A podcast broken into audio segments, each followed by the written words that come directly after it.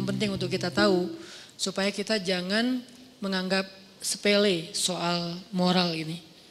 Bukan jangan sampai kita uh, ternina bobokan hanya dengan udah hadir ke talim, udah gitu nggak ada tugas lain. Justru tugas utama dalam dakwah kita keluar dari masjid. Kalau di masjid kayak nggak ada challenge-nya. Duduk, dengerin, se nggak nyaman nyaman se apa ya mungkin se negatif negatifnya akhlak kita di masjid apa ketiduran itu juga masih nggak dosa cuman ya kayak malu aja gitu. Datang ke masjid langsung sakinah. Beres pas sudah selesai doa baru bangun misalnya. Itu se seminimal minimalnya akhlak kita di masjid paling ya itu.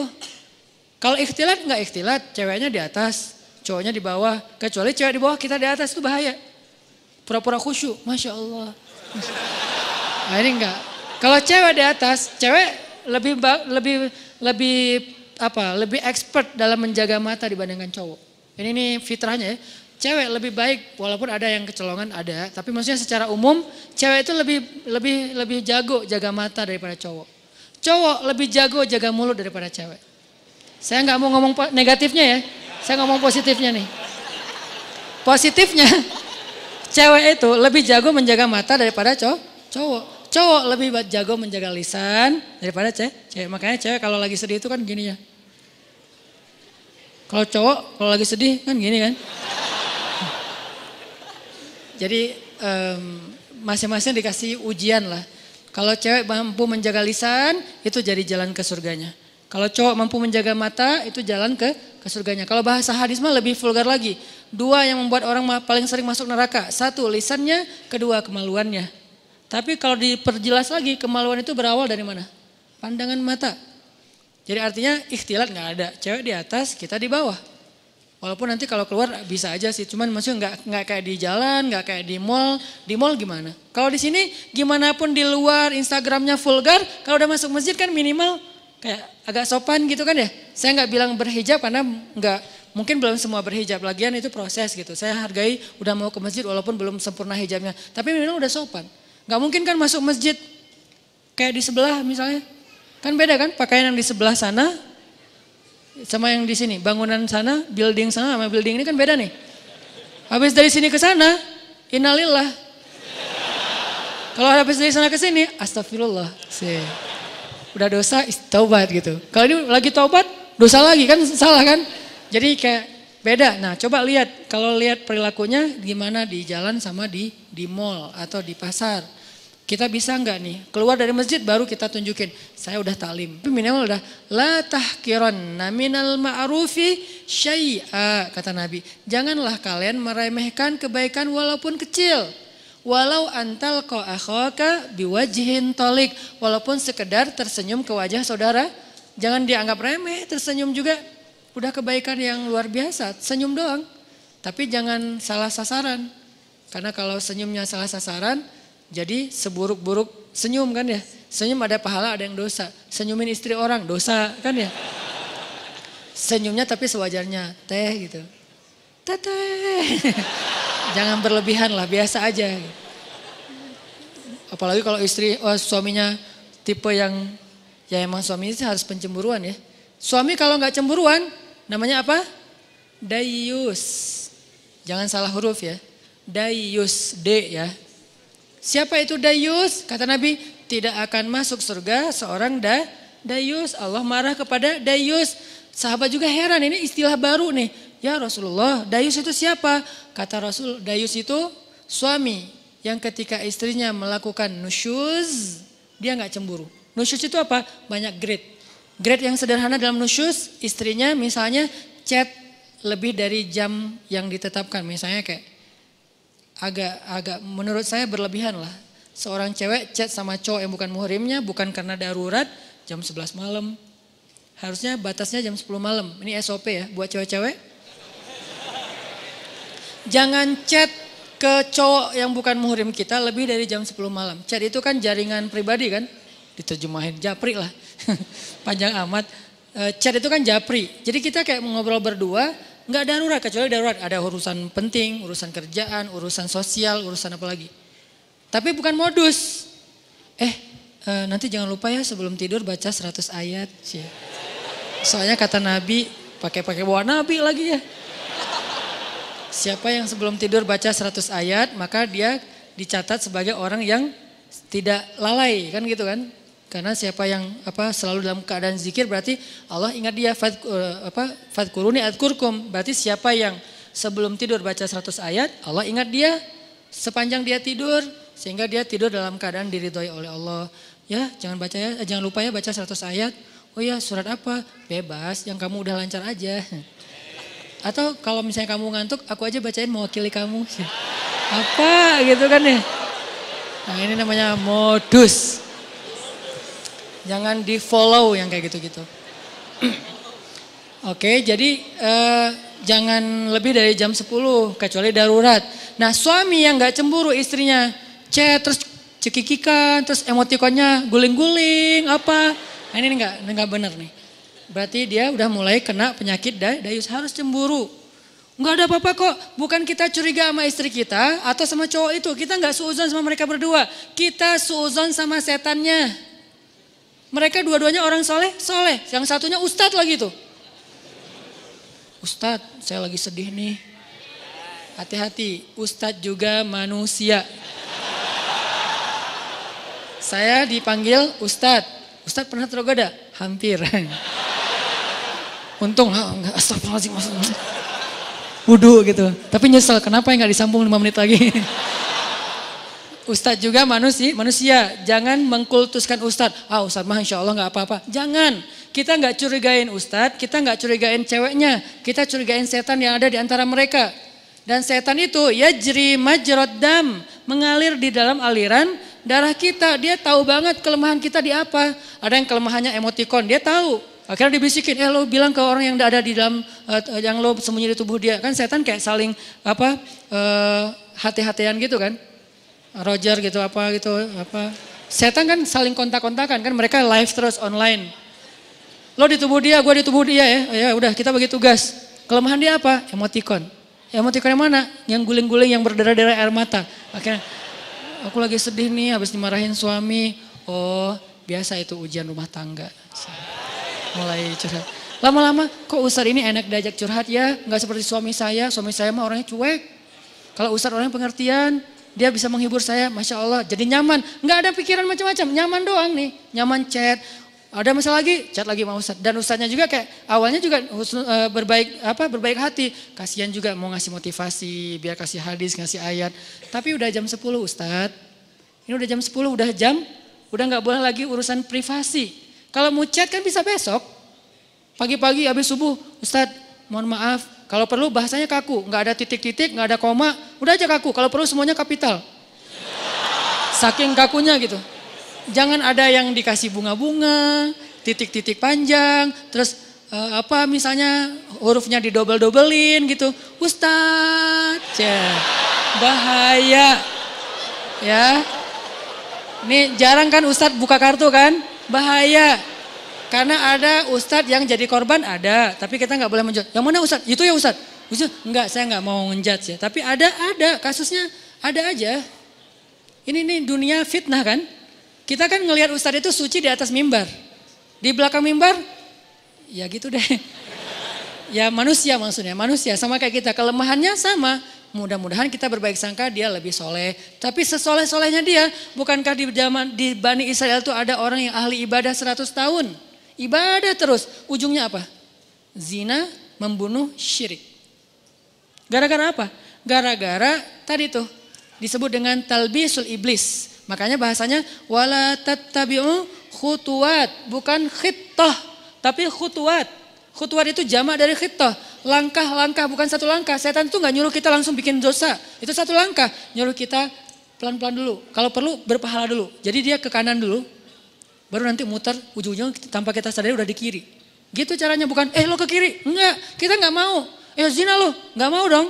Tapi eh kasihan dia bantuin ke kanan kan bantuin. Eh dia kayaknya lagi lagi labil banget daripada dia bunuh diri. Ya udah deh gue temenin chat sampai jam 12 malam.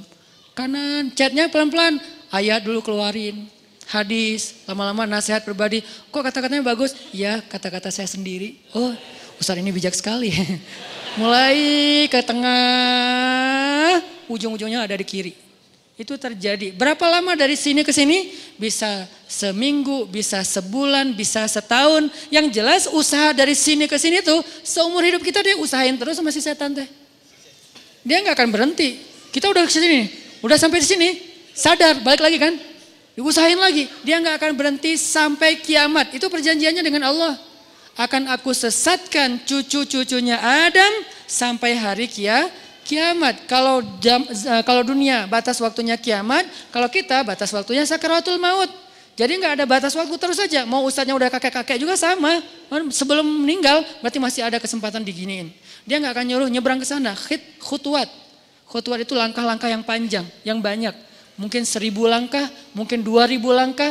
Yang jelas goalsnya ke sini nih. Tapi langkahnya ke kanan dulu. Itu talbis namanya. Talbis itu tipuan. Ada, ada Bani Israel. Gimana ceritanya? Masih boleh dikit cerita? Jadi ada tiga orang pemuda, soleh-soleh semuanya. Mereka punya satu adik perempuan, berempat. Yang paling bungsunya cewek, cantik, masih jomblo, single. Bukan jomblo, single. Karena dia biasa aja gitu dengan kesinggelannya.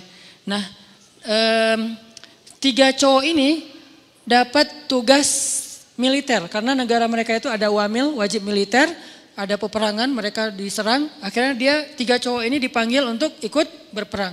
Mereka khawatir gimana dengan adiknya yang perempuan, siapa yang akan jaga? Ini cerita dari hadis, bukan fiksi, bukan fiktif, fiksi beda lagi, bukan fiktif gitu, cerita dari ha, hadis.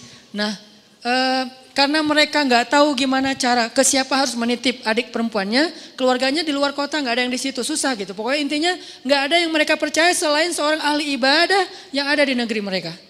Cuman beliau ini nih yang paling soleh, paling amanah, paling baik. Bukan ustadz biasa lah, ustadz legend lah ya. Udah senior banget lah ya. Nah akhirnya mereka sepakat bertiga, kita titipin aja adik kita ke syekh itu. Datanglah ke syekh ini.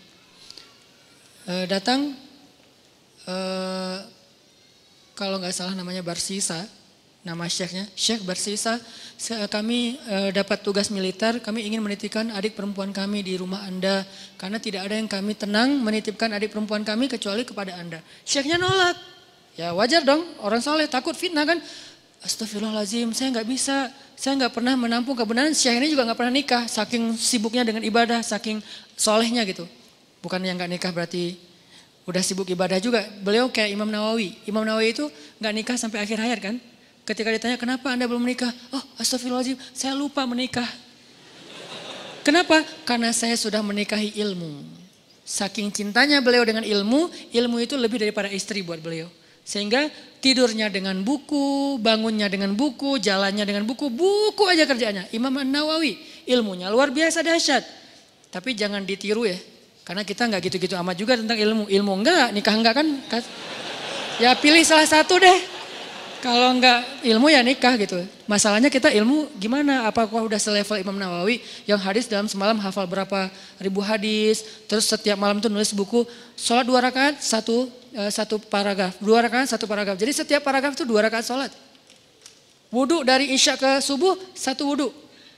Selama bertahun-tahun, satu wudhu sholat subuh dengan isya. Maksudnya nggak tidur semalaman karena terjaga wudhunya Imam Nawawi. Nah Syekh bersisa nolak, nggak mau, nggak mau, nggak mau. Please, karena kami nggak tahu harus jagain apa, harus nitip ke siapa daripada adik saya apa-apain orang. Eh, karena udah dipaksain terus, ya udah deh. E, kalau mau, e, saya minta satu hal apa, bikinkan untuk adik kalian satu ruangan, satu kamar yang nggak campur dengan rumah saya di belakang gitu. Akhirnya dibangunin sama mereka kamar sederhana untuk adiknya yang perempuan. Taruh aja di belakang rumah si syekhnya. Syekhnya biasa beribadah di musola. Jadi rumah musola kamar ceweknya. Jarak rumu, eh, apa eh, musola dengan kamar ceweknya terhalang oleh rumah syekh. Jadi agak berjarak gitu. Udah pergi mereka berjihad. Hari-hari pertama syekhnya eh, nggak pernah berkomunikasi satu patah kata pun dengan si cewek ini. Karena diamanahin nafkah, kebutuhannya, akhirnya dititipkan uang, Syekh ini ke pasar beli roti. Setiap pagi taruh roti di depan pintunya, balik lagi ke ke musola. Zikir astagfirullah astagfirullah. Si perempuannya tahu jam udah buka jam udah ada roti di depan pintu dia dia buka ambil roti makan di dalam. Nggak pernah komunikasi. Sehari seminggu. Minggu kedua mulai datang setan. Yuwaswis fi sudurin, fi sudurin harus pakai perasaan, bukan pakai logika. Perasaannya yang diusik. Kasihan juga tuh cewek kesepian. Masa nggak disapa sama sekali, ntar dianggap sombong loh. Ya sapa sederhana aja, nggak usah berlebihan, cuman uh, sehat gitu doang. Oh ya udah, titipin uh, apa roti. Assalamualaikum, sehat teh, sehat Ustadz, alhamdulillah. Oh ya, pergi aja. Gitu doang. Jadi kayak Japri sehat, sehat udah. Nggak pakai emoticon. Jadi benar-benar kayak ya kayak apa TS aja gitu kan ya, dingin aja nggak ada nggak ada apa-apa gitu. Zikir astagfirullahaladzim, astagfirullahaladzim, astagfirullahaladzim. Besok datang lagi setan. Masa cuma nyapa doang, siapa tahu dia pengen sesuatu tapi nggak berani ngomong karena kaku. Ya lebih lemes lagi lah biar siapa tahu si cewek ini butuh apa nanti dia bisa ngomong karena nggak malu. Oh ya juga sih. Teh sehat ya kalau butuh apa-apa kasih tahu saya ya. Oh iya Ustadz makasih. Nah ini kan. Akhirnya datang setan yang satu lagi. Lo tugasnya sama cewek, gue cowok. Setannya bagi tugas. Tapi bukan karena kelainan, memang gitu tugasnya. Si, si setan yang ke ceweknya bilang, itu syekh itu baik banget ya, soleh banget. Kamu kalau ada apa-apa jangan sungkan, ngomong aja ke beliau. Beliau orang soleh kok, orangnya senang membantu. Kan baik kan? Nggak ada yang negatif kan? Besok-besok, teh butuh apa? Ya Ustadz boleh nitip sesuatu apa? E, pengen apa makan apa gitu ini ada uangnya, nggak apa-apa udah dititipin sama kakak-kakaknya, tetap, oh ya udah, maaf ya Ustadz merepotkan, nggak apa-apa. Nah, mulai ini. Pergi ke pasar, beliin apa roti, susu. Makasih Ustadz, Ustadz udah bagi dua aja, saya masa saya makan sendiri nggak habis. Setan bilang kan, nggak akan habis tuh mubazir, benar nggak sih? Mubazir kebanyakan tuh udah bagi dua aja, Ustadz bagi dua aja, udah nggak apa-apa makan aja. Uh, kata si yang satu lagi saya tanya, jangan mau diterima, malu atuh sama cewek. Udah Akhirnya apa? Udah makan aja ntar kalau nggak habis baru saya habisin. C, mulai kan? Makan, Ustaz nggak habis. Ya udah sini dihabisin. Mulai kan agak-agak gimana gitu kan? Bekas. Makan. Lama-lama datang lagi setan tuh. Coba tanya siapa tahu dia pengen belajar sekaligus daripada dia diam-diam aja. Nyantri aja sekalian. Nyantrinya apa? Belajar agama. Tanya butuh apa tentang masalah agama yang saya bisa uh, bantu sedikit-sedikit adalah ilmu. Oh ya udah benar juga ya, dapat pahala lebih. Teh, nanti kalau butuh apa-apa, udah nggak nggak sungkan sekaku yang pertama kan? Butuh apa-apa kasih tahu aja ke saya, insya Allah kalau ada pertanyaan saya bisa jawab. Kalau nggak ada nanti saya tanya ke yang lebih ahli. Oh ya Ustadz, kebenaran saya lagi nanya nih masalah ini gimana? Nah mulai, tapi masih di balik pintu. Kenapa? Jangan ketemu orangnya fitnah dong kata setan. Jangan, nanti fitnah ikhtilat kata setan teh. Setan yang ngajarin ilmunya nih. Ikhtilat, jangan. Oh ya benar juga. Jadi teriak-teriak dari belakang pintu, belakang depan pintu gitu. Oh kalau gini gimana Ustadz? Nah lama-lama datang lagi setan. Mungkin sebetulnya si Teta itu ada pertanyaan yang privasi. Nggak enak nanyanya sambil teriak-teriak. Kayak nanya masalah cara membersihkan air atau apa kan nggak enak teriak. Ustadz cara ngebersihin air gimana kan nggak enak kan ya? Ya udah kamu lebih dekat lagi duduk depan pintu jangan berdiri.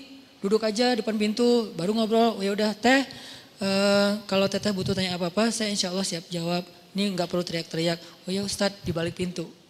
Sama-sama duduk di pin, pintu tapi masih kehalang, pintu tertutup. Datang lagi besoknya setan. Apa kata orang ngelewat, ngelihat kalian ngomong kayak gitu. Satu dalam, satu di luar tapi duduk di pintu. Kan jadi fitnah. Ntar dikira semua orang ada apa-apa. Lebih baik masuk ke dalam biar nggak ada yang ngelihat. Tapi pintunya dibuka. Awas, jangan dibu jangan ditutup. Ntar digoda setan. Lah ngomong setan. Nah ini nih setan nih, talbis. Makanya ada buku tebal ya, judulnya Talbisul Iblis. Tipu daya, tipu muslihat i, iblis. Gitu, dibawanya ke kanan dulu, baru ujung-ujungnya ke kiri, tanpa disadari. Tapi buka pintu ya, oh iya juga ya, nggak boleh tutup pintu, ntar jadi ikhtilat lagi, ntar setan lagi. Padahal dari tadi juga setan. Udah, teh, uh, boleh di dalam aja nggak enak dilihat orang. Oh ya Ustaz nggak apa-apa. Yang yang bagian ceweknya bilang nggak apa-apa dia orangnya amanah nggak usah khawatir. Gitu kan? Udah aja duduk dekat pintu tapi udah di dalam ruangan ngobrol. Udah ketemu orangnya, beda udah pasti. Pertama cewek ini nggak pernah kenal dekat sama cowok. Kedua syekh ini nggak kenal dekat sama ce cewek. Ini adalah kali pertama mereka berinteraksi lawan jenis dan dekat sekarang. Nggak ada siapa-siapa. Mulai mulai bercanda. Jangan kaku-kaku amat datu ngantuk taklim teh. Kasih candaan dikit. Ya udah mulai canda, jadi akrab, jadi hai. Malu dilihat orang, masa bercanda tapi kelihatan orang. Udah tutup aja pintunya kan kan udah saling kenal, udah saling percaya tutup pintunya. Ngobrol, nauzubillah, terus dekat Sampai akhirnya curhat si cewek ini. Namanya manusia pasti semuanya punya masalah kan. Akhirnya dia berani curhat. Ustadz, saya udah anggap Ustadz sebagai keluarga saya. Saya percaya. Boleh saya curhat masalah pribadi? Curhat. Curhat, buka. Uh, waktu itu masih syariat hijab, cadar, buka cadarnya. Langsung udah lihat wajahnya, udah ke mana-mana, udah setan teh. Setan yang datang udah bukan lagi bab ini. Setan kan gonta-ganti, sesuai dengan kapasitasnya. Sekarang bab yang lain lagi, datang setan yang ahli di bidang yang lain. Udah terus saja sampai mereka akhirnya udah akrab, udah tahu semua cerita-ceritanya. Nangis, ceweknya nangis, senangis-nangisnya. Datang setan romantis. Kalau yang pertama nggak ngerti romantis, taunya fikih. Kalau sekarang setan roman, jangankan setan, manusia aja ada yang kayak gitu. Dulu Senok Hogranya yang di Aceh tuh, dia hafal ribuan hadis, hafal Quran 30 juz hanya untuk merusak masyarakat Aceh dengan uh, apa eh, berstatus ulama kan ya. Itu manusia loh, apalagi setan yang udah lebih legend lagi tuh. Akhirnya setan romantis datang. Kalau cewek lagi nangis kayak gitu jangan didiemin, kasih bahu. Nanti kalau dia tersinggung nggak gimana? Nggak akan tersinggung. Cewek kalau lagi kayak gitu dia nggak akan tersinggung. Dia pasti positif. Jangan kasih bahu pas dia lagi ngomongin masalah agama. Kasih bahu pas dia lagi nangis, lagi emosional. Itu pasti dia akan terima. Oh gitu ya? Udah neng. nah mulai ini akrab, usap-usap. Jadi nauzubillah akhirnya mereka berzina. Udah di sini kan? Udah berzina. Berzina sekali karena udah ah udah terlanjur dosa lah. Kagok eh. Udah kagok kan? Udah aja, biasa aja gitu. Udah udah dosa juga gitu. Udah jangan manggil Syekh lagi lah, manggil A aja. Jadi tadi kan manggilnya Syekh, lama-lama Ustadz, lama-lama AA. Manggil lah, udah akrab teh, udah zina, ada segala macam nauzubillah. Ngomongnya juga nggak enak. Udah gitu, maaf perempuannya hamil. Perempuannya hamil, Syekh ini takut ketahuan sama kakak-kakaknya. Karena adik perempuan mereka ternyata dihamili sama Syekh ini kalut, panik datang setan kriminal. Bilang, eh, lo udah bikin adiknya, lo nggak akan dibiarin hidup. Setannya udah beda ngomongnya. ngomongnya udah beda. Ah, udah terlanjur. Udah lo, lo habisin aja deh. Gak usah banyak mikir, udah lo habisin aja lo sekarang. Udah, udah, gitu-gitu. Oh udah dihabisin, dibunuh ceweknya. Karena takut ketahu, ketahuan. Ditakut-takutin nama setan. Pokoknya lo habis lo, malu semua orang kampung akan mencela kamu dan segala macam. Pokoknya dibikin goyah banget nih Syekh ini. Akhirnya dibunuh, dikubur di belakang rumah. Tapi udah dibisikin sama setan alasannya, modusnya apa? Bilang aja sakit, meninggal, dikuburin. Enggak lama, belum juga, baru sehari kadarullah datang nih kakak-kakaknya. Syekh, Assalamualaikum. Waalaikumsalam. Syekh, Alhamdulillah, udah Alhamdulillah kami semuanya selamat. Uh, adik kami di mana? Syekh ini pura-pura sandiwara. Ada apa Syekh? Innalillah yang sabar ya gitu. Allah mentakdirkan kalian gak ketemu lagi. Baru aja kemarin adik kalian sakit keras dan meninggal. Maafkan saya gak bisa jaga amanah kalian. Innalillah wa inna ilaihi rajiun. Ya gak apa-apa Syekh, di mana kuburnya? Di belakang. Datang doa, pulang aja. Setan kan jahat banget ya. Setan tuh nggak pernah berpihak sama kita. Dia itu pengadu domba. Malam setan ini datang ke dalam mimpi ketiga kakak beradik ini. Mimpinya sama. Setan yang sama gimana nggak sama redaksinya. Mimpinya sama. Datang eh adik kalian itu nggak meninggal sakit. Dibunuh setelah di, di, dinodai sama syekh itu. Buktinya kalau kalian mau tahu coba kalian gali kuburnya lihat bekas pembunuhan itu. Kalau datang ke satu, ya anggap aja mimpi. Datang ke yang kedua, sama. Ketiga sama, bangun dari mimpi. Saya mimpi buruk tentang adik, saya juga sama. Apa mimpinya? Diceritain, kok sama ya mimpi kita? Mencurigakan sekali kan? Kok mimpi kita sama? Wah bahaya nih, kita bukan suuzon sama Syekh, tapi kita harus buktiin. Ayo, besoknya mereka diam-diam datang, digali kubur adiknya yang belum kering, yang masih basah tanahnya. Benar ada bekas pembunuhan dan dia dalam keadaan ha, hamil. Syekh ini langsung dibawa ke pengadilan. Dikeroyok sama masa. Dibawa ke pengadilan diputuskan hukuman mati.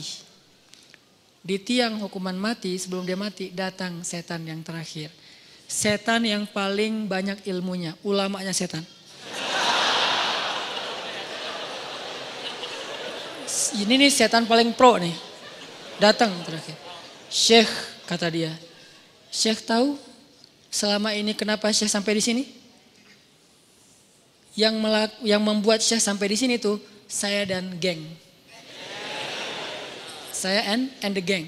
Kita yang menggoda seks dari awal mau menerima cewek itu, kemudian ngasih roti, kemudian mau menyapa, kemudian mau fatwa, kemudian duduk di dalam rumah, kemudian menutup pintu sampai berzina, membunuh dan seterusnya, berbohong, itu semuanya kami. Dan sekarang kamu udah nggak bisa ngelak. Hukuman sudah ditetapkan, masyarakat sudah benci sama kamu. Satu-satunya cara kamu selamat sekarang adalah cuman kami yang bisa nolong kamu. Karena kami yang mencelakai kamu. Gimana cara saya bisa selamat? tunduklah ke saya. Sujud. Kalau kamu sujud ke saya, maka kamu akan kami selamatkan. Ini kesempatan kamu yang terakhir. Itu apa? Eh, pedang untuk membancung dia itu udah siap. Orang kayak gitu kan labil banget. Akhirnya dia sujud, dia mengakui setan itu sebagai Tuhan, dipancung, matilah Syekh ahli ibadah 100 tahun ini dalam keadaan pembunuh, pezina, pembohong, dan syirik. Kenapa bisa kayak gitu? La tattabi'un khutuwatis syaitan. Janganlah kalian mengikuti langkah-langkah setan. Dia nggak akan langsung nyuruh satu langkah ke kiri. Dia nyuruh ke kanan sekilo. Jauh banget ke kanannya. Sampai gara-gara setan kita jadi ahli ibadah banget. Gara-gara setan nih saya jadi bisa tahajud. Kok bisa? Soalnya dulu saya nggak pernah tahajud. Gara-gara ada modus sekarang jadi tahajud. Ya gitu deh. Jadi sekarang awalnya sih modus. Lama-lama istiqomah. Masya Allah setan teh. Jadi dari modus jadi istiqomah istiqomah. Terus besok-besoknya tuh kan gak apa-apa. Udahlah gak usah terlalu idealis. Besok-besoknya ketemu apa na'udzubillah. Sampai berada di sisi yang kiri dan itu udah terjebak. La tattabi'u khutuwatis syaitan. Jangan ikuti langkah-langkah setan. Bukan jangan ikuti langkah setan. Jangan ikuti langkah-langkah setan. Jadi yang kayak tadi misalnya Dayus. Ini gara-gara ngomongin Dayus nih. Suami harus cemburu. Karena cemburunya suami itulah penjaga istri. Kalau suami udah nggak cemburu, istrinya berlebihan komunikasi dengan lawan jenis, sikap ke lawan jenis, berarti istrinya udah nggak ada yang jagain.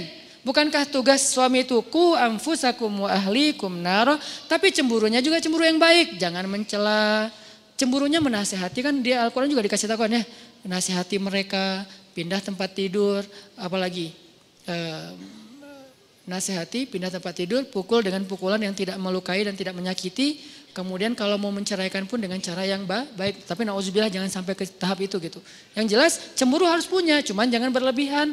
Nah yang akhwatnya, yang cewek-ceweknya kalau dicemburuin suami bahagialah. Kenapa? Berarti suami kita sayang sama kita. Berarti suami kita itu masih perhatian sama kita. Selama ekspresi cemburunya belum berlebih, belum berlebihan. Cuman cemburu, jangan gitu dong gitu. Gak ada apa-apa kok, gak, emang gak ada apa-apa tapi kan gak, gak pantas.